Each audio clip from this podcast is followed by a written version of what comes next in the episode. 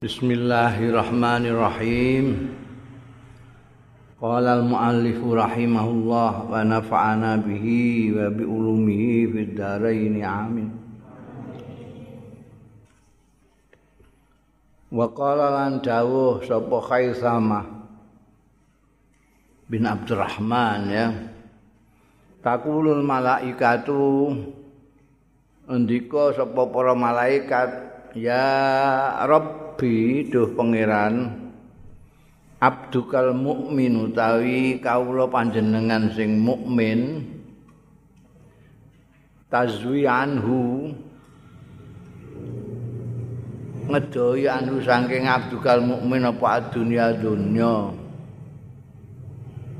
Wa tu'ariduhu. Lan mentokake dunya hu ing abdukal mukmin lil bala diparakno ning gone balak. Coba. Mayakulu mongko dawuh sapa Allah Gusti Allah taala lil malaikati marang malaikat-malaikate. Ikshifu lahum an sawabihi. Bukakno sira kabeh ngetokno lahum marang wong-wong abdu kawula-kawulaku sing mukmin an sawabi. Hmm.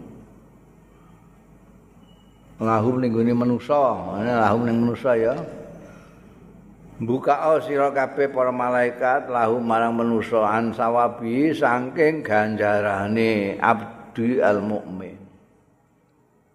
Fa iza sa'ra'u sawabahu mongko tekalane weruh ya manusa. Sawabahu ing ganjarane kawulaku sing mukmin mau. Qalu do matur ya malaikat la mboten ya Rabbi la yadulluhu. Mboten.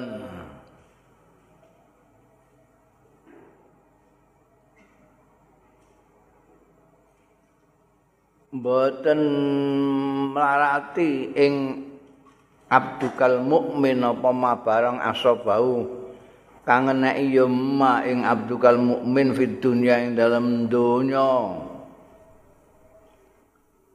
wa yaquluna lan matur sapa malaikat-malaikat. Abdukal kafiru tawi kawula jenengan sing kafir tazwi. Ngedoi anhu. Agak tawe tuzwi. Hmm, nebihaken panjenengan andu saking abdukal kafir al bala ing bala Watab sutulan beber panjenengan lahu kangge abdikal kafir adunya ing donya.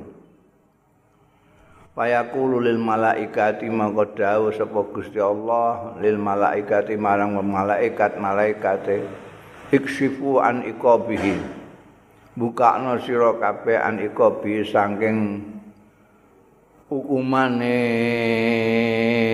abdi al kafir. Faidza ra'ahu qalu tatkalane padha ngerti ya wong-wong hu ing ikop. Qalu padha ngucap sapa wong-wong layam fa'u ma'asaba qalu matur sapa malaikat layam fa'u mboten manfaati ing abdukal kafir apa ma barang asabau kang eneki ing kafir minat dunia saking dunya ya. Itu bedane wong orang-orang yang mukmin dan orang-orang yang tidak mukmin yang kafir. Wong-wong mukmin itu embek Gusti Allah didono kon dunya dicedakno kok cobaan-cobaan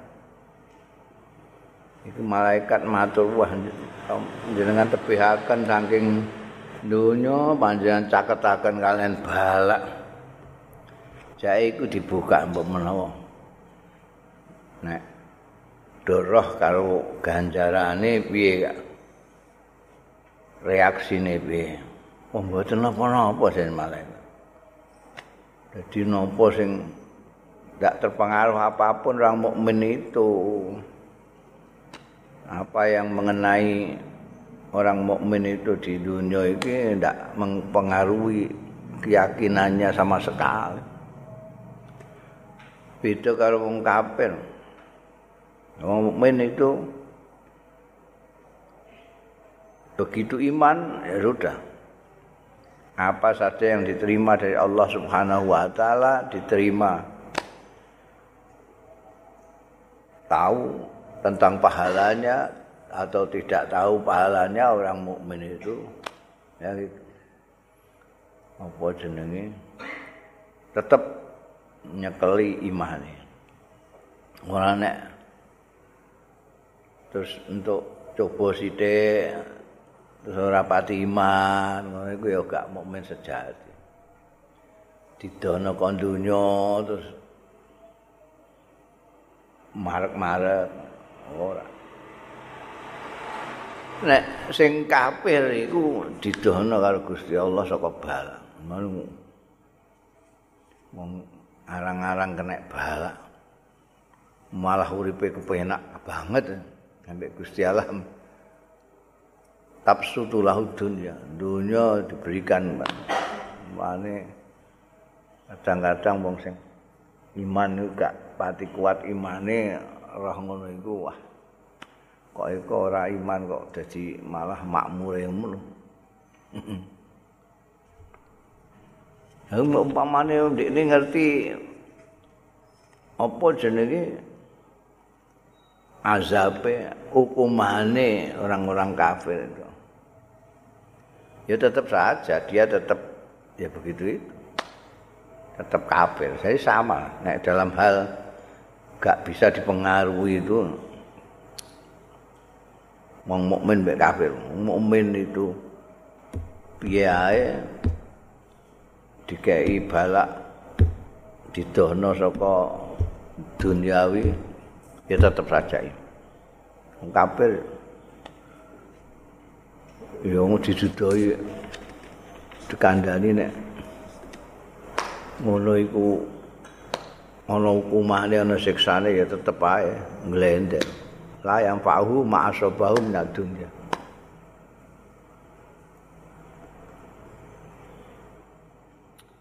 Kala khaisama tu ngandika sapa khaisama?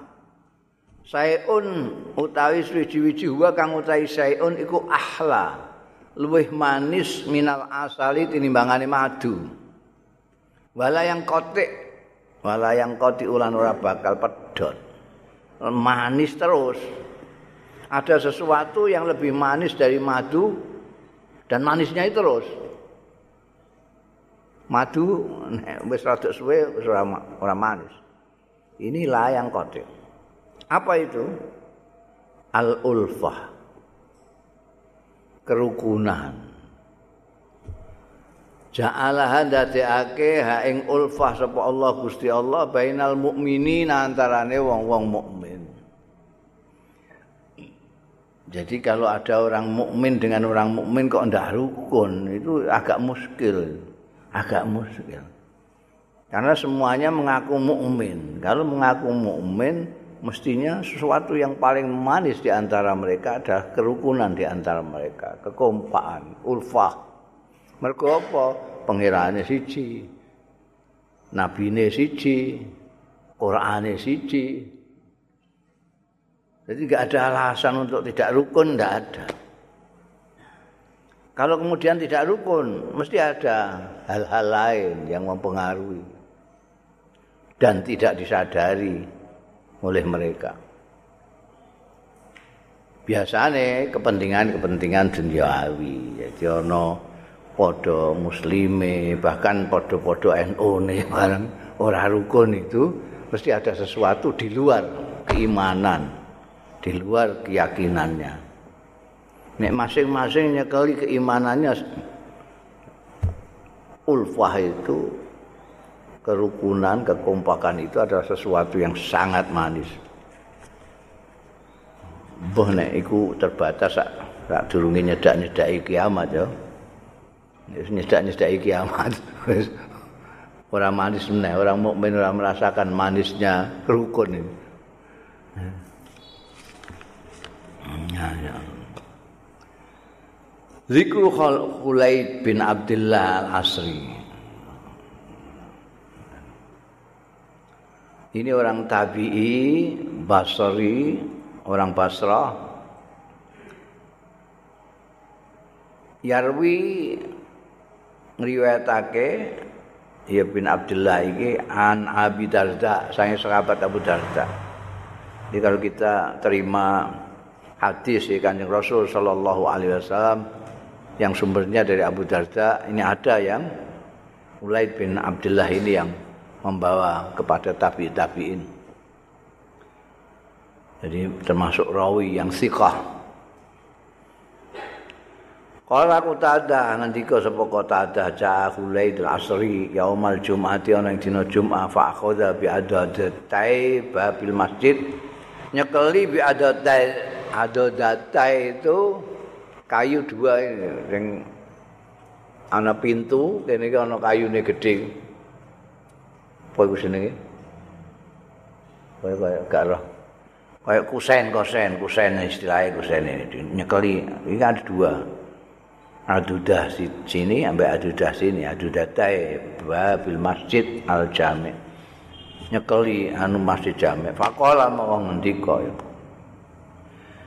Ya akhwata ala inna kull habibin yuhibbu. Aliyal habibu. Eh dulur dulur. Ya ikhwata he dulur dulur. Ala eling-eling inna kull habibin. Setune setiap kekasih. Iku yuhibbu demen ayal ka ana titik apa kak? Eh ora ana titik iku. Gak ana titik iku eh kowe sing ana titik gak eh ana titik juga? Ora muskil karo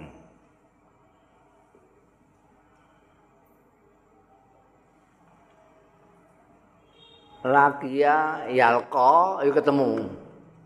Alqa yulki nibakno. Nah kowe pilih sing ndi? Nibakno apa ketemu?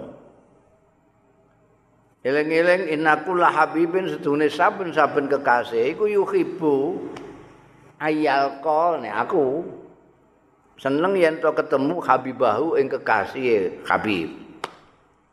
Nek wekmu iku seneng maknane nek ala inna kulla habibin yuhibbu ayyul qiya yen to nibakno habibahu ing kekasih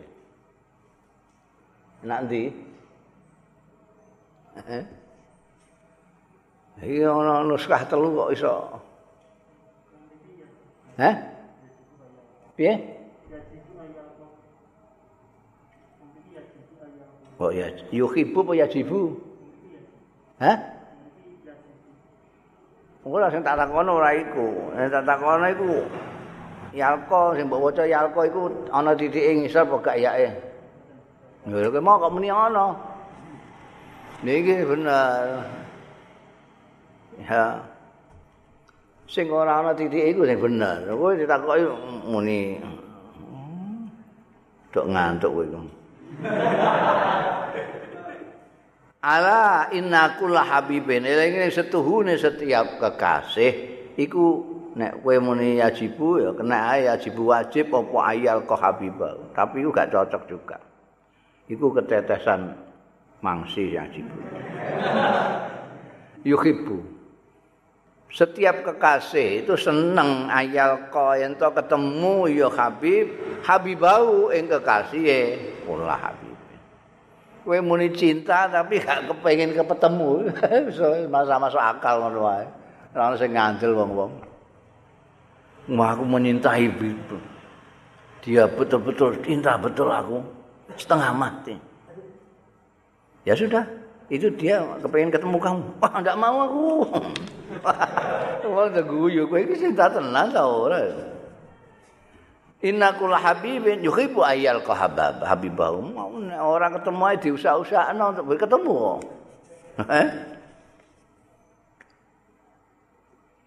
Ala eling-eling wa ahibu mongko cintailah demen ana sira rabbakum ing pangeran ira.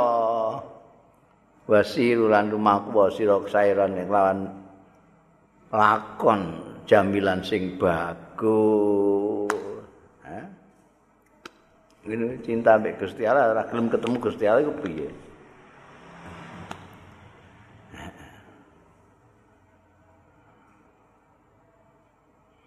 Iki ana neh iki. Wa qala lan dawuh sapa kule lat apa?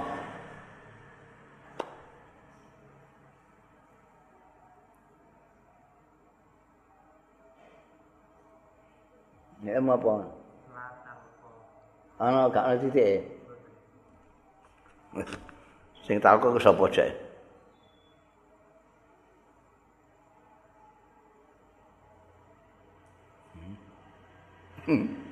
Alko ku sapa? Laki ae alko nek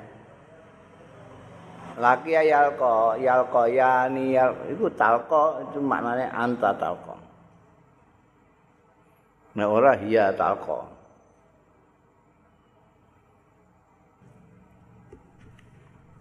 Jadi nek mau waca talko ya kowe sing di, di sing dingendikani kowe. Ra talko ora bakal ketemu sira. Al mukmina ing wong mukmin illa fi salasi khilalin. Kejaba ing dalam telu kondisi. Kamu tidak akan ketemu dengan orang yang betul-betul mukmin kecuali dalam tiga kondisi. Apa itu? Masjidin ya muru. Ning masjid sing makmurna sapa mukmin hu ing masjid. Au baitin atau di rumahnya sendiri yasturu kang nutupi ya bait hu ing mukmin. Au hajatin utawa dalam kondisi sedang punya hajat min amrin saking perkara min amri dunya saking perkara dunyane mukmin labak sabia kang ora ana. Dosa iku maujud biha kelawan amrud dunia hajat jeneng hajat biha hajat kamu tidak akan berjumpa dengan mukmin sejati kecuali dalam tiga kondisi. Ketemu di masjid. Dia sedang memakmurkan masjid. Dia ketemu jumatan apa sembahyang. Ketemu di masjid atau di rumahnya dia sedang di rumah. Tidak ke mana-mana. Di rumah yang menutup dirinya dari luar. Naik gak di masjid ya nih ngomah ngok tengok atau kalau tidak ketemu dengan kamu dia sedang di pasar misalnya tapi tidak tidak lah apa dia hanya mencari kebutuhan-kebutuhan yang halal tidak ada yang haram. Atau ketemu dengan kantor Ndak ana kowe ketemu wong mukmin kok ning biaskupan ngono. Iku gak ana. Ceritane gak ana. Jaman biyen gak ana bioskop soalnya, jadi gak masuk. Hajatin min amri dunya la ba'sa biha. Kantor pos, pegadian kowe lagi ngadekno apa ta apa. Ya eh. Minta Kartini ketemu ning kamu ketemunya di mana?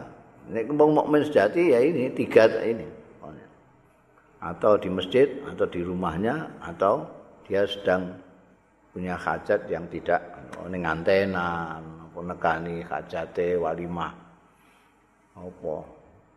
Ya, itu hajah amri dunya tapi sing la ba'sa biha. Dan bakal kamu ketemu sama orang mukmin sedang di tempat perjudian. Itu wis mesti ora ketemu kowe. Nah, ora bakal ketemu karo wong mukmin. Eh gampang ditenani wong mukmin. Kowe ning dia ketemu. Hmm. Wa qala Sabit al-Banani kana kula itu ya'muru baitahu. Ya'muru bi baitihi. Perintah bi baiti kelawan daleme kuwi. Payukam, payukam mongko din resiki. Ing ana sampah-sampah dibuat sumayak mul biwisadatain mongko kari-kari perintah sapa khulit biwisadatain ini kan wisada loro. Ini sakandana wisada itu bantal yang pesagi empat yang biasa untuk duduk-duduk itu. Kalau yang pesagi panjang untuk tidur mahidah bahasa Arab ya wisada sing biasanya ning gone kursi kursi minta wisadah dua semaya khliku babahu. Mongko kari-kari nutup sapa khuwalet babahu ing pintu rumahnya khuwalet semaya kudu ala firasi mongko kari-kari pinarak ya khuwalet ala firasi ing ngantase lemeke keturane khuwalet semaya kulu mongko kari-kari dawuh ya khuwalet marhaban bimalaikati rabbi Selamat datang malaikat. Malaikate pangeranku, ama wallahi la usidannakumul yauma khairan. Demi Allah. Yakti teman-teman nyeksekno temenan sapa ingsun ing sira kabeh al yauma ing dina iki khairan ing bagus. Khuzu ngalapo panjenengan sedaya bismillah kanthi asmane Gusti Allah. Subhanallah. Maha suci Allah walhamdulillah sekaya puji kagungan Gusti Allah. Amata yaumi ing seluruh dinane. Wala yazalu kadzalika lan ora kisir-kisir sapa hulait. Kadzalika kaya mengkono-mengkono mau setiap kata takhlibu ainahu sehingga ngelindih ing hulait apa ainahu netra kali hulait. Au yakhruju utawa metu apa hulait ila salati masbah. Hari-hari ya gitu. Jadi kalau mau tidur, resik-resik dulu, serap-serapi, terus duduk dulu, terus itu mau memberikan selamat sampai malaikat, marhaban malaikati robbi. Sudah saya menyaksikan pada kalian semua hari ini saya baik-baik saja. Kalau mau ngambil ya silahkan ambil. Bismillah. subhanallah walhamdulillah itu setiap apa sehari-harinya begitu ngantek keturun atau ya libu ainahu keturun atau nek gak keturun kok gak bisa sare-sare ya terus bayang wudu terus yakhruju ila shalah ono sing ngono iku ya Waqala Muhammad bin Wasi karena kulit ya sumudal.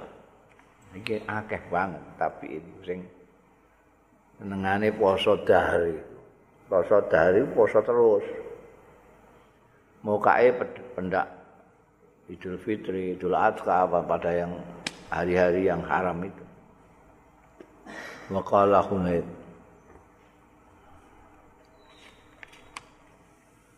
Talqa nemu sira al mukmina ing mukmin mbok tinggal mbok ketemu afifan ingkang njaga kehormatan. Tapi ya saulan ya ngemis. Aneh iki.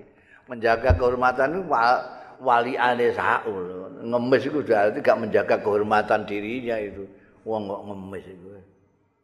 Iku monggo to to kak mbok ndolak njaluk ae. Saulan iku akeh njaluke. Akeh njaluke iku kosok wasule afifan. Afifan gak gelem kok njaluk-njaluk. Lah apa? Aku menghargai diri saya. Afifan menghargai diri kamu bisa menemukan orang mukmin sejati itu dia afifan tapi juga saulan. Azizan mulya tapi dalilan juga ino. Kata-kata ngene ya. Iki mbok nggo status ben gonian suke fakiran terpekil. Orang mukmin. Piye keterangane kok afifan ya mah kowe ketemu wong mukmin iku afifan anin nas. Menjaga diri dari manusia artinya tidak pernah minta-minta kepada orang. Saulan di rabbihi. Tapi akeh nyuwune niku ne pangerane mukmin. Niku ne manusa azizan nek ning gone pangerane saulan. Oh, nyuwani mun nek pangerane. Azizan mulya fi nafsi ing dalam awak dhewe ne mukmin dalilan merasa rendah ino lirobi marang pangerane. Ini pangerane ndep-ndep kula ino kula rendah Gusti. Gonian sugih anin nasi saing manusa, artinya tidak butuh pada orang. Tapi fakiron butuh pikir ila rabbi marang pangerane mukmin. Wong mukmin iku ngono iku, eh. Ahsanun nas, wong mukmin iku sak bagus-baguse menungsa apane maunatan, maunae. Ongkose. mauna pertolongane paling bagus wa ahwanuhum lan luweh enteng-entenge manusa apane muknatan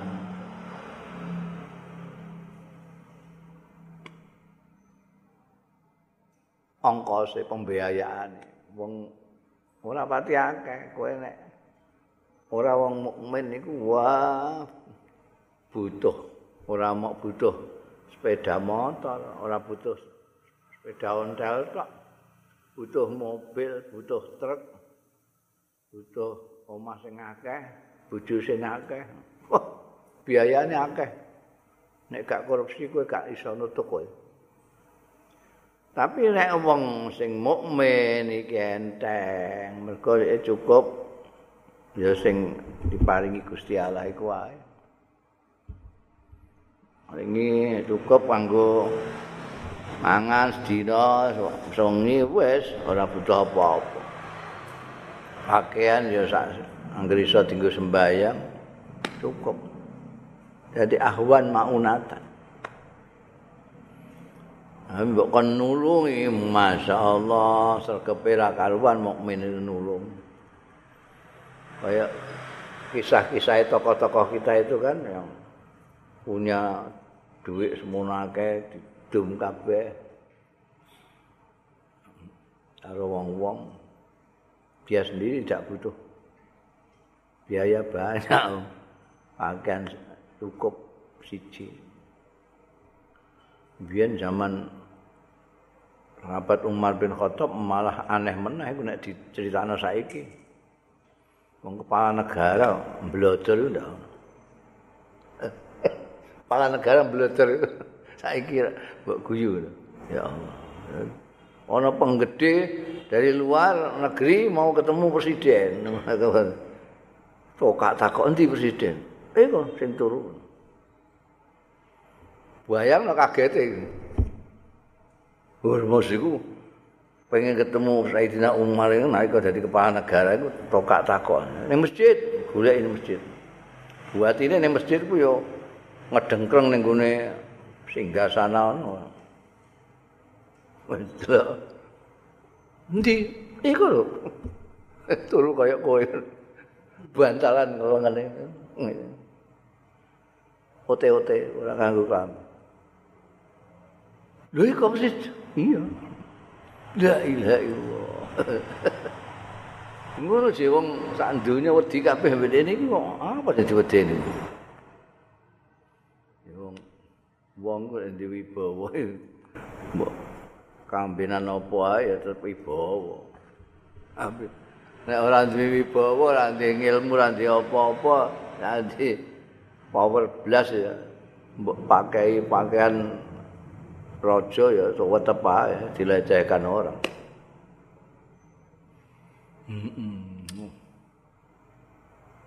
Ibu pelajari ya mulai dari sahabat itu sampai tabi'in. semuanya itu ahsan nasi maunatan wa ahwanu mu'natan wa qala nandika kulai dikuli syai'in zina. Iku kedua saben-saben suwiji zina tenutawi hiasan pepaes. Wa inna zinatal masajid utawi pepasai masjid pepaese masjid-masjid iku al mutaawinuna ala zikrillah. Wong sing saling membantu ala zikrillah ing atase eling Gusti Allah azza wa jalla. Ora kok nganggo kaligrafi sing apik-apik eh ornamen sing macem-macem. Gambar kembang sak piturute ora itu. Pepaese masjid itu. Pepaese masjid adalah penghuni-penghuninya yang saling mengingatkan kepada Allah Subhanahu wa taala. Nek ana sing ngobrol-ngobrol soal selain Gusti Allah dielingno kowe iki ngene daleme Gusti Allah lho ning masjid lho. Sing mbok bakas kok bintang film iku piye?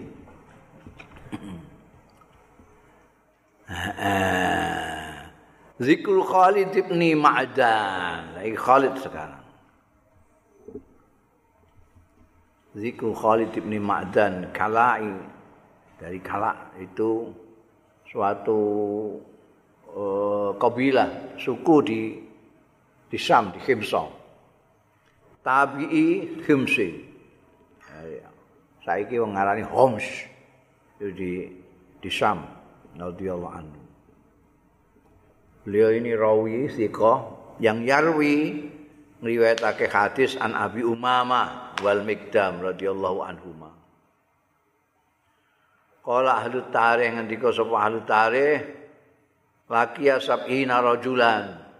Beliau ini Khalid bin Ma'dan ini ketemu sab'ina ing 70 apane rajulan wong lanange min ashabi Rasulillah sallallahu alaihi wasallam ing sahabat-sahabat Rasulullah.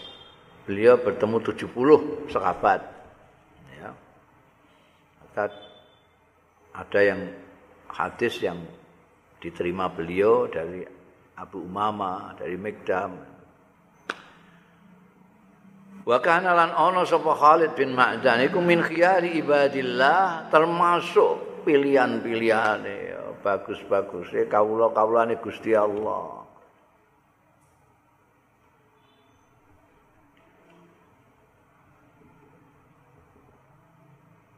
Qaddam al-Abbas bin al-Walid walian ala khimsa. Qadim al-Abbas. Teko sapa al-Abbas bin al-Walid. Walian sebagai wali kota. Pejabat yang mimpin daerah itu. Ala khimsa. Wali kota khimsa. Al-Abbas bin al-Walid. Fakadara mongko hadir sapa Al Abbas bin Al Walid yaumal Jum'ah ana dina Jumat dina Jum'ah salat ing sembahyang wa Khalid bin Ma'dan utawi Khalid bin Ma'dan iku fi saf ing dalam saf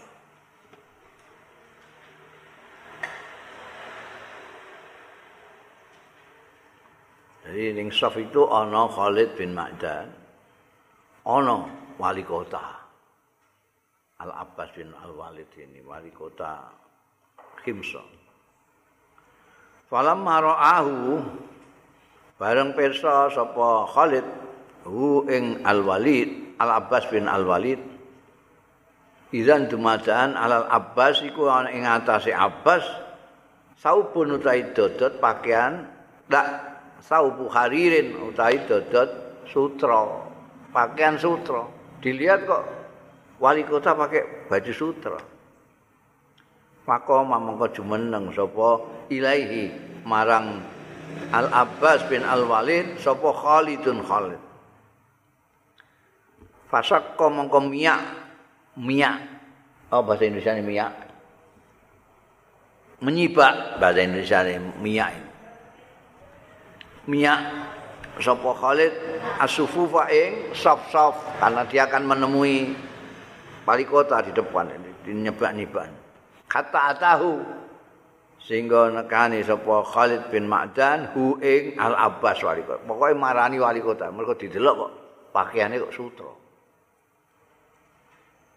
Pakola mongko ngendika sapa Khalid bin Ma'dan, "Ya ibn akhi."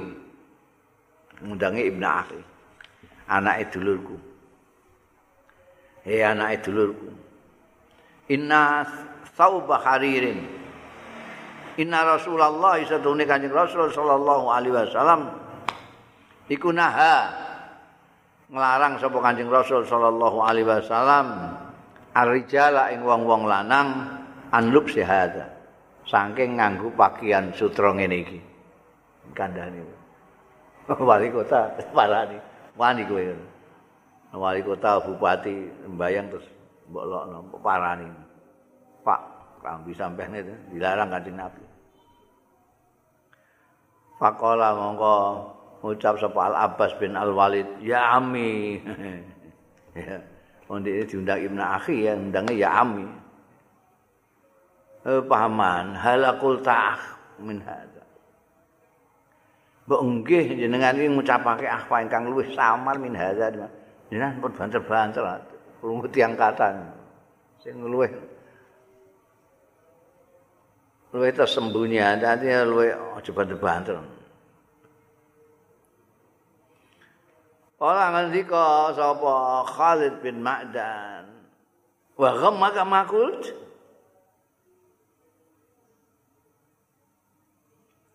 Apa nyusahno ing sira? Apa mak barang kultu sing ngucap sapa ingsun? Kowe gak seneng aku muni ngono. Wallahi lasakan tu demi Allah aku ora bakal manggon baladan ing negeri anta utahe sira iku fihi ing dalem balad. Ngono je faqara jaminha.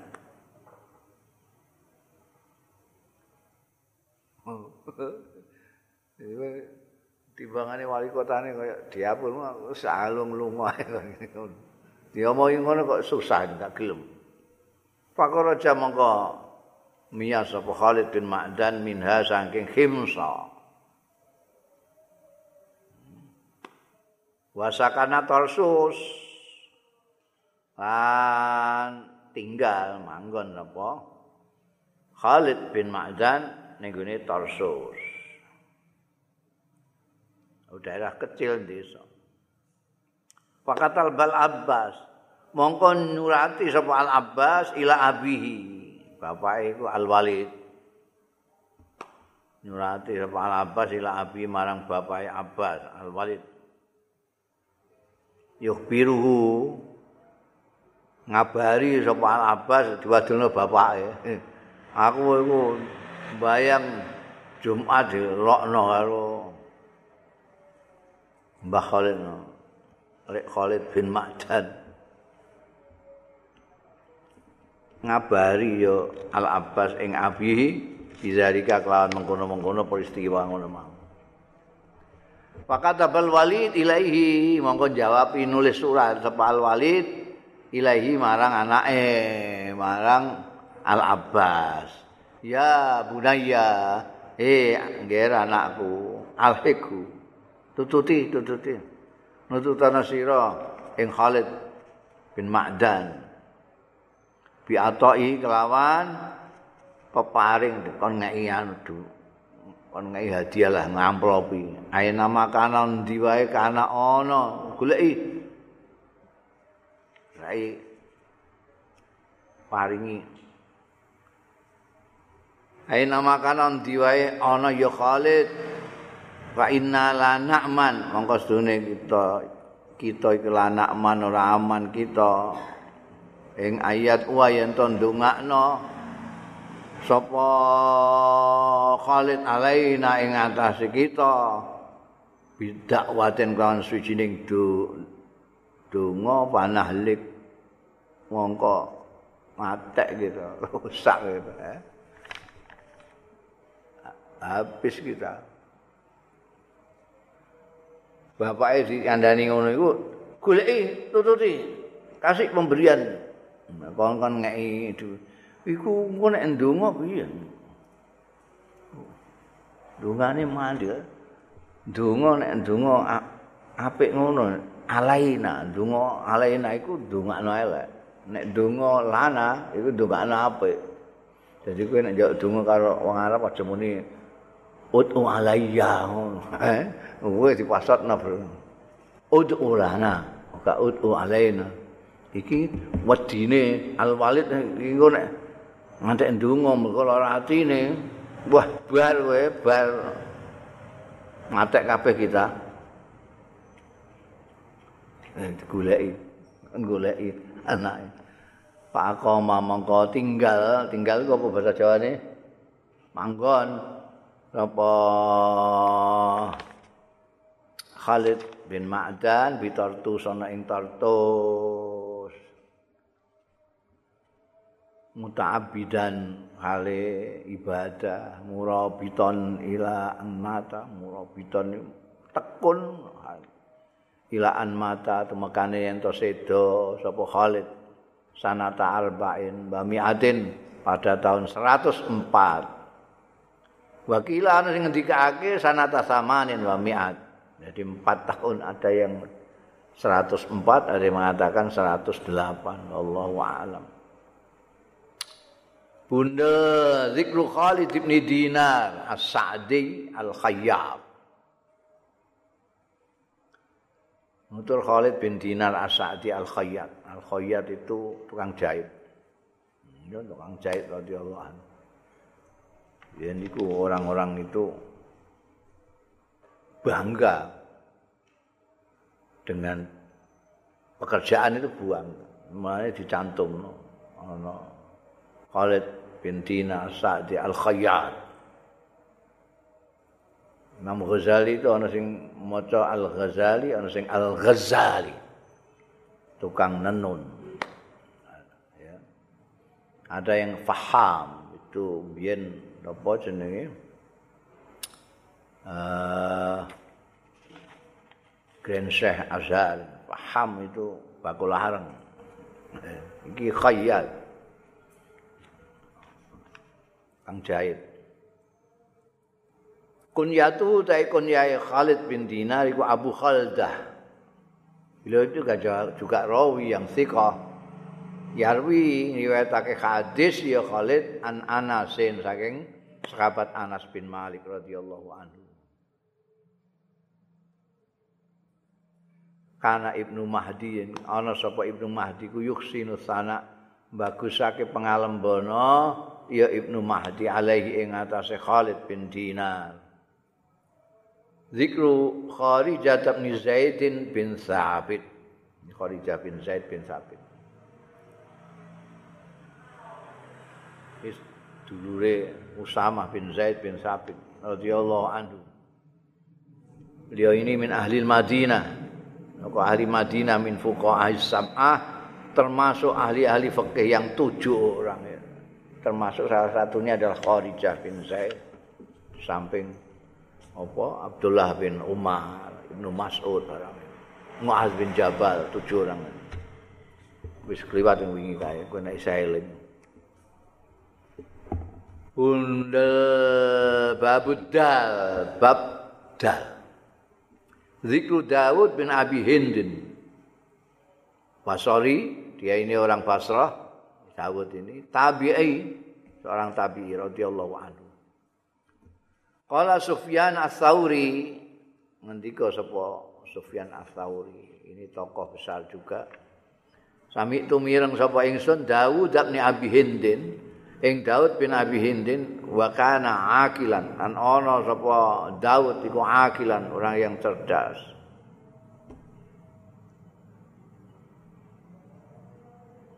Yaqulu ngendika sapa Daud innaka astune sira idza akharta. Dan kalane ngalap sira billazi istama'u ale kang ngumpul wong-wong alaihi ing atase lazi lam yadurraka mongko ora mlarati ing sira apa allazi ikhtalafu fihi kang padha sulaya sapa wong-wong fihi ing dalem lazi mereka menyepakati apa orang-orang itu. Kalau itu saja kamu ambil, sudah. Mereka yang masih gegeran tidak akan melalati kamu. Asal apa yang mereka sudah sepakati bersama, kamu ambil. Yang mereka masih apa jenenge berbeda pendapat segala macam wis ora bakal melalati kowe. Cekel lihat yang mereka sudah kompak misalnya semua orang sudah mengatakan bahwa Pancasila Binika Tunggal Ika tapi turute itu mereka konsensus itu cekali sudah ini gue geger-geger perkara macam-macam yang liane suara bakal manuni. Melarati nih gini, tidak akan merugikan kamu. Asal yang mereka sepakati kamu sudah pegang Wa innal ladzi ikhtalafu fihi wal ladzi nuhu an.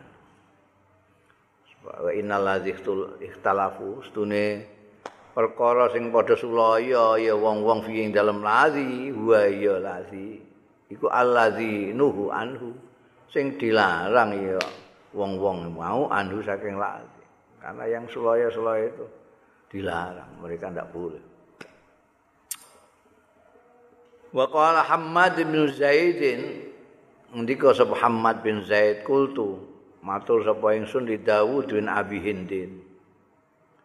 Mata kulu fil qadar? Utawi apa iku takulu ing apa takulu berpendapat sampean fil qadari tentang qadar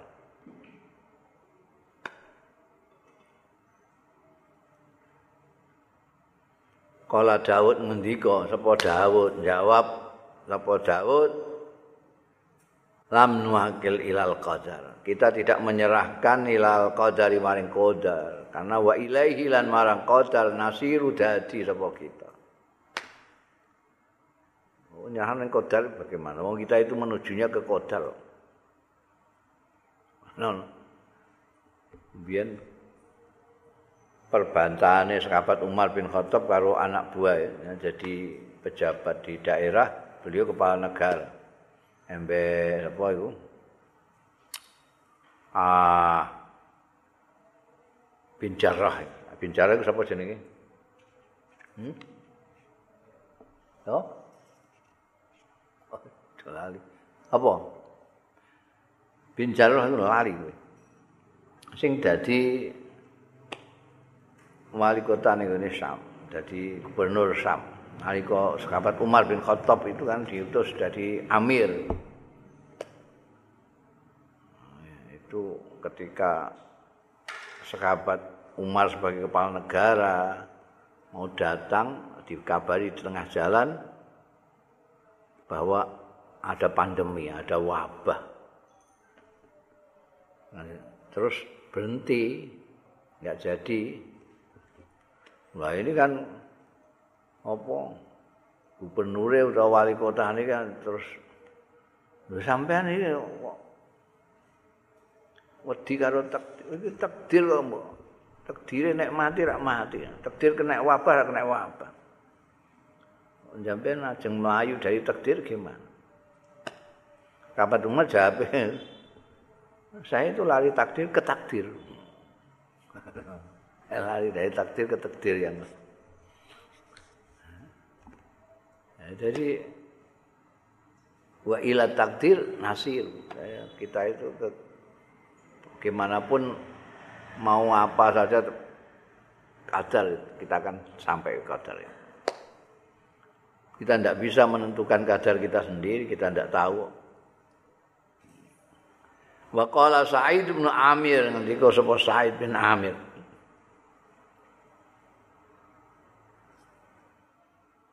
Kala Dawud, ndika sapa Dawud? Ata itu Syam. Nekani sapa ingsun asrama ing Syam. Syam itu sekarang Syria, Palestina, Yordan itu Syam.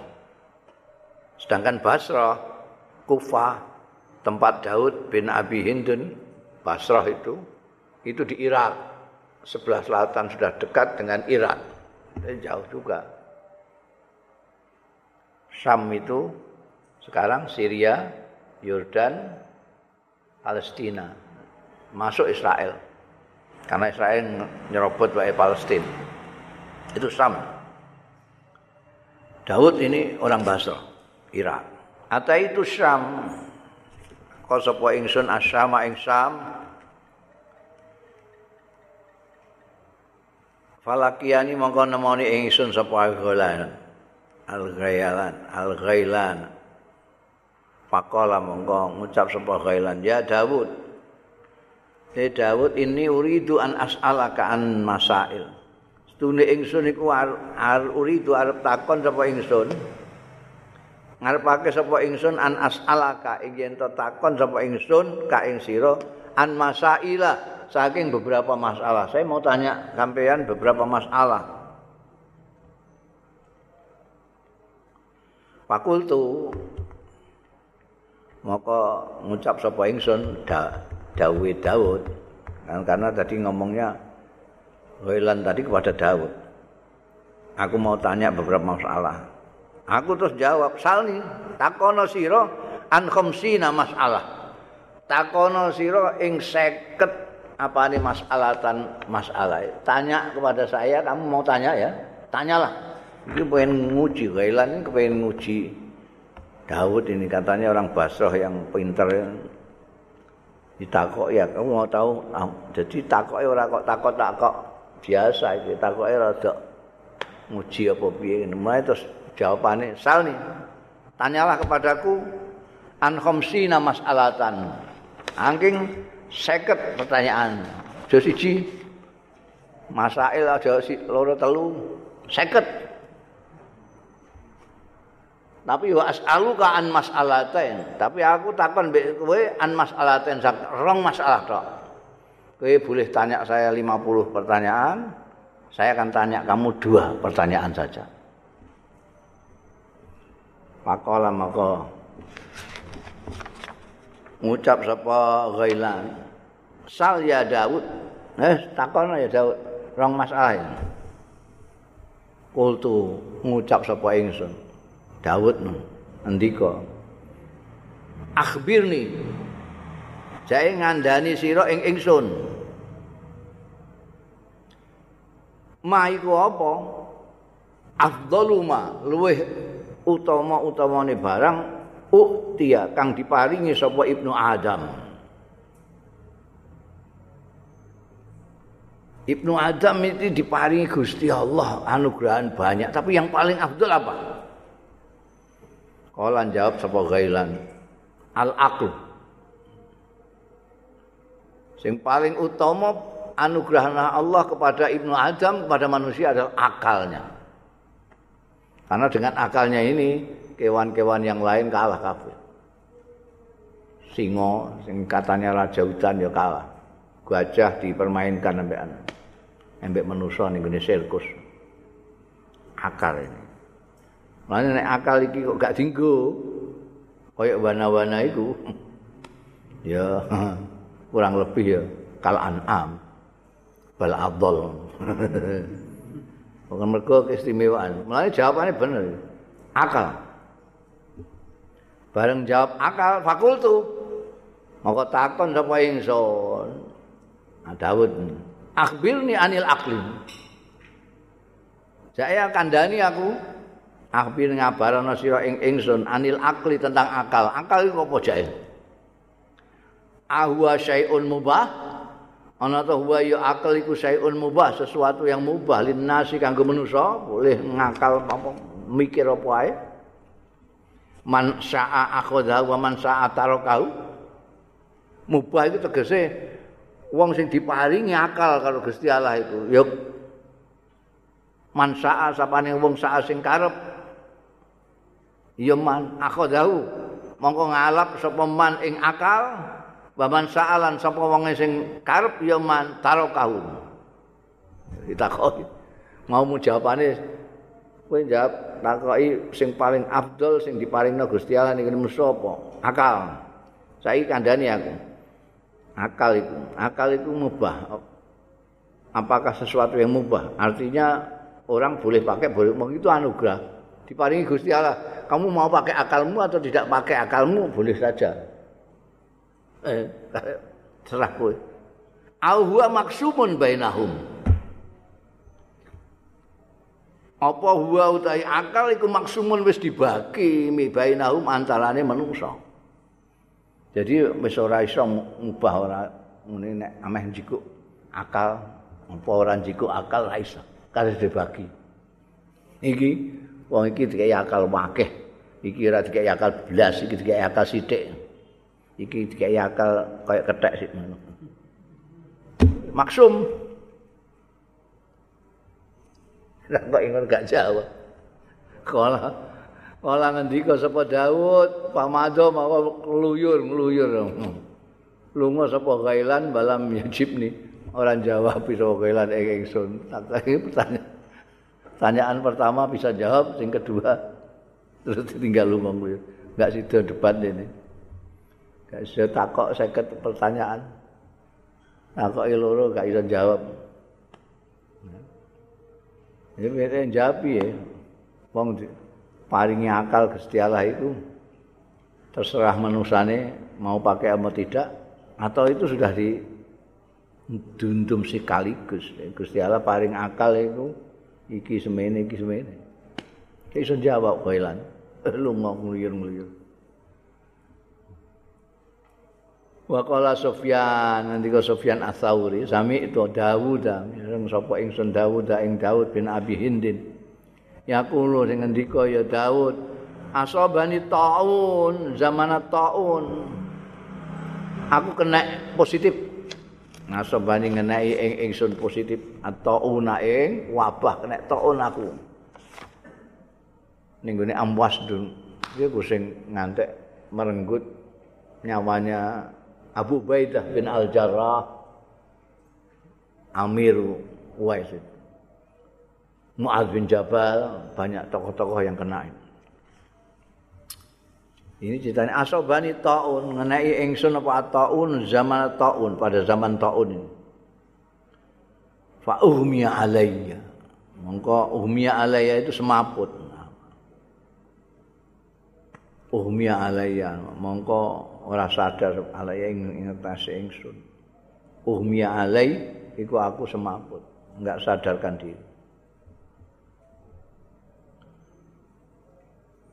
Enggak sadar. Faka'an nasna ini mongko kaya-kaya setuhune ada dua orang atayani. Nekani ya isna ini ing ingsun. Faqa ada ahaduma. Mongko pinarak sapa ahaduma salah siji ne isnadain. Isna indaroksi. ana ing sandinge sirahku. Aku turun ngono iku dalam kondisi tidak sadar. Tapi ada dua sosok yang datang. Yang satu duduk di atas kepalaku. Wal akharu tailiyane iku indari jli ana sandinge sikilku. Yang satu di sandik sikil, satu di atas kepala. Faqala ahaduhuma Monggo ngendika apa salah sijine isnain li sahibi marang sahibi ahaduhuma maring kancane. Ayasai entajid. Ing apa suwi-wiji tajidu nemu sira? Kowe nemu apa? Kala ngendika sapa sahibuhu. Ajidu aku nemu tasbihan. Ing tasbih. Wa takbiran lan takbir. Wa khutwan lan langkah ilal masjid marang masjid. Wa sayan min qiraatil Qur'an. Lan sesuatu min qiraatil Qur'an yang kan yo iki malaikat iki. Iki ana apane? Wong iki kowe nemu apa ning Iki nemok tasbih, nemok takbir, nemok langkah-langkah dari ke masjid dan ada sesuatu dari qiraatul Quran. Wa fi riwayatin aning dalem sujining riwayat faqala ahaduhuma mongko ndika sapa salah isne lil akhari marang liyane unzur jek delok Pak Thola mau ngelbuake sapa akhir ya ing tangan astane akhir fi fami ing dalem tangkemku tangkeme Dawud bin Abi Hindin bang. setengah. Jadi di dalam kondisi tidak sadar tadi itu melihat ada dua. Nek nunggoni ono nglebokno tangane njero fakola. Fakola mau ngendika sapa akhaduhuma utawa akhir kam min khairin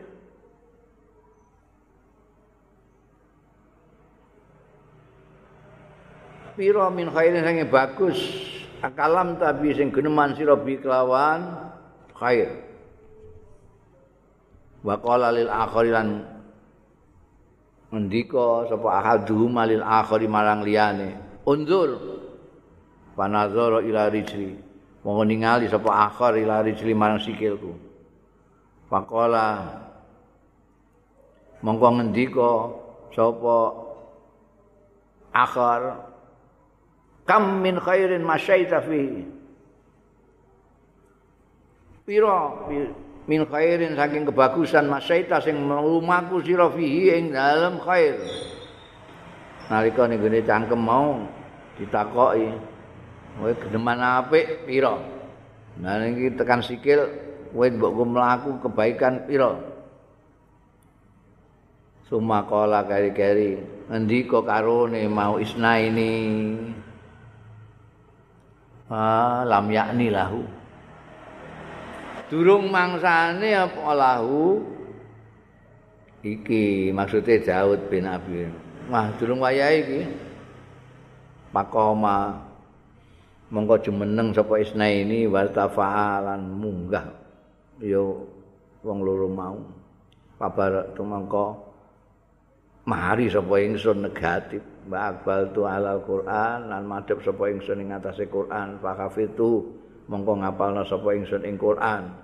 Walam akun lan durung ana sapa ingsun iku ahfazu. Ngapalna sapa apal sapa ingsun ing Quran qabla zalika sadurunge mkono mau. Jadi malaikat itu ngenteni Daud bin Abi Hindun mau mergo kok nek ndelok tasbih yo lumayan, tebire lumayan, mlakune ning masjid lumayan, tapi kiraatul Quran mau saean tok sithik tok. Simpolane cek delok. Itu cangkeme ngomong apik pira? Sikile mlaku apik pira? Keputusane ah durung wayah iki. Artine durung wayah dijabun nyawane. Eh senajan wis kena wabah positif gak situ. Itu terus mari itu mari ngapalno Quran itu. Wa qala Ibnu Adi ngendika sapa Ibnu Adi sama poso sapa Daud bin Abi Hindin arba'ina sanatan ing 40 apane sanatan taun 40 tahun poso.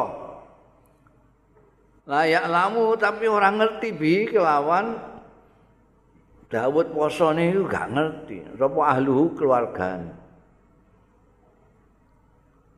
kana ana sapa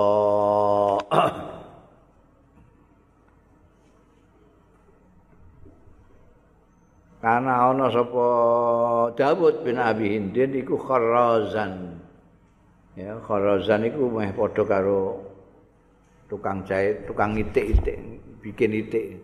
Jadi ada penjahitnya sendiri. Tapi nek nggawa klambi iku ana spesial sing gawe itik-itik nggo ada. Itik-itik ngerti ya? Iku klambimu iku iki kancing, masih lebokno ning gone kene iki ana itikane jenenge itik. Ngono kaya wong kutha ae tak ngerti itik. Aku sing kutha ae ngerti. Iki gawe ngene iki lubang gini ini. Terus di enam pinggire di itik. Itu untuk tempat ini. Ada, ada tukang itu. Beliau ini tukang. Jadi penggawaiannya kharas, yahmilu ghadahu, Godahu apa godahu? Eh? Ana saya. Ya. Ya, godahu iku sesuke. Godak iku kancane asak itu. Asak makan malam, godak makan siang. Jadi selalu membawa yahmilu nggawa sapa Dawud bin Abi Hindin godaan ing makan siangnya min intim saka sandingi ahline. Dadi kaum omah iku wis disangoni ambek apa? Disangoni ambek keluargane iki bojone gawakno bontot segala macam mergo dhek nyambut gawe siang itu nyambut gawe dadi tukang itik. Bontot iki ternyata fayata sadakubi nyedekahno sapa? Daud bi kelawan goda iki mau fitori ing dalam perjalanan. Jadi poso. Digawani ambekan keluargane kanggo makan siang ora didahar tapi dibagi-bagi disedekahno karo wong. Wayar siu ketika kondur saka nyambut gawe iki mau asian ana ing wektu lorene wayuf tiru mongko buka sapa Daud mahum satane ahlihi jadi keluarganya gak ngerti nek iku poso itu selama 40 tahun keluarganya ora ngerti nek Pak Dawud bin Abi Hindin ini poso terus. Mereka saben dina digawani bontot. Kayak cah sekolah itu kan digawani sanggup pakanan. Iki di sedekah no. Ini orang mangan poso. Engko ae nek mulih maghrib mangan kalau keluargane ini dahare-dahar buka wong-wong keluargane nganggepe ya asak makan malam biasa. Jadi mulai dingendikano poso 40 sana layak lamu bi ahlu. Keluargane orang ngerti belas. Luar biasa. Bunda zikru dukhain al-hajar wallahu alam.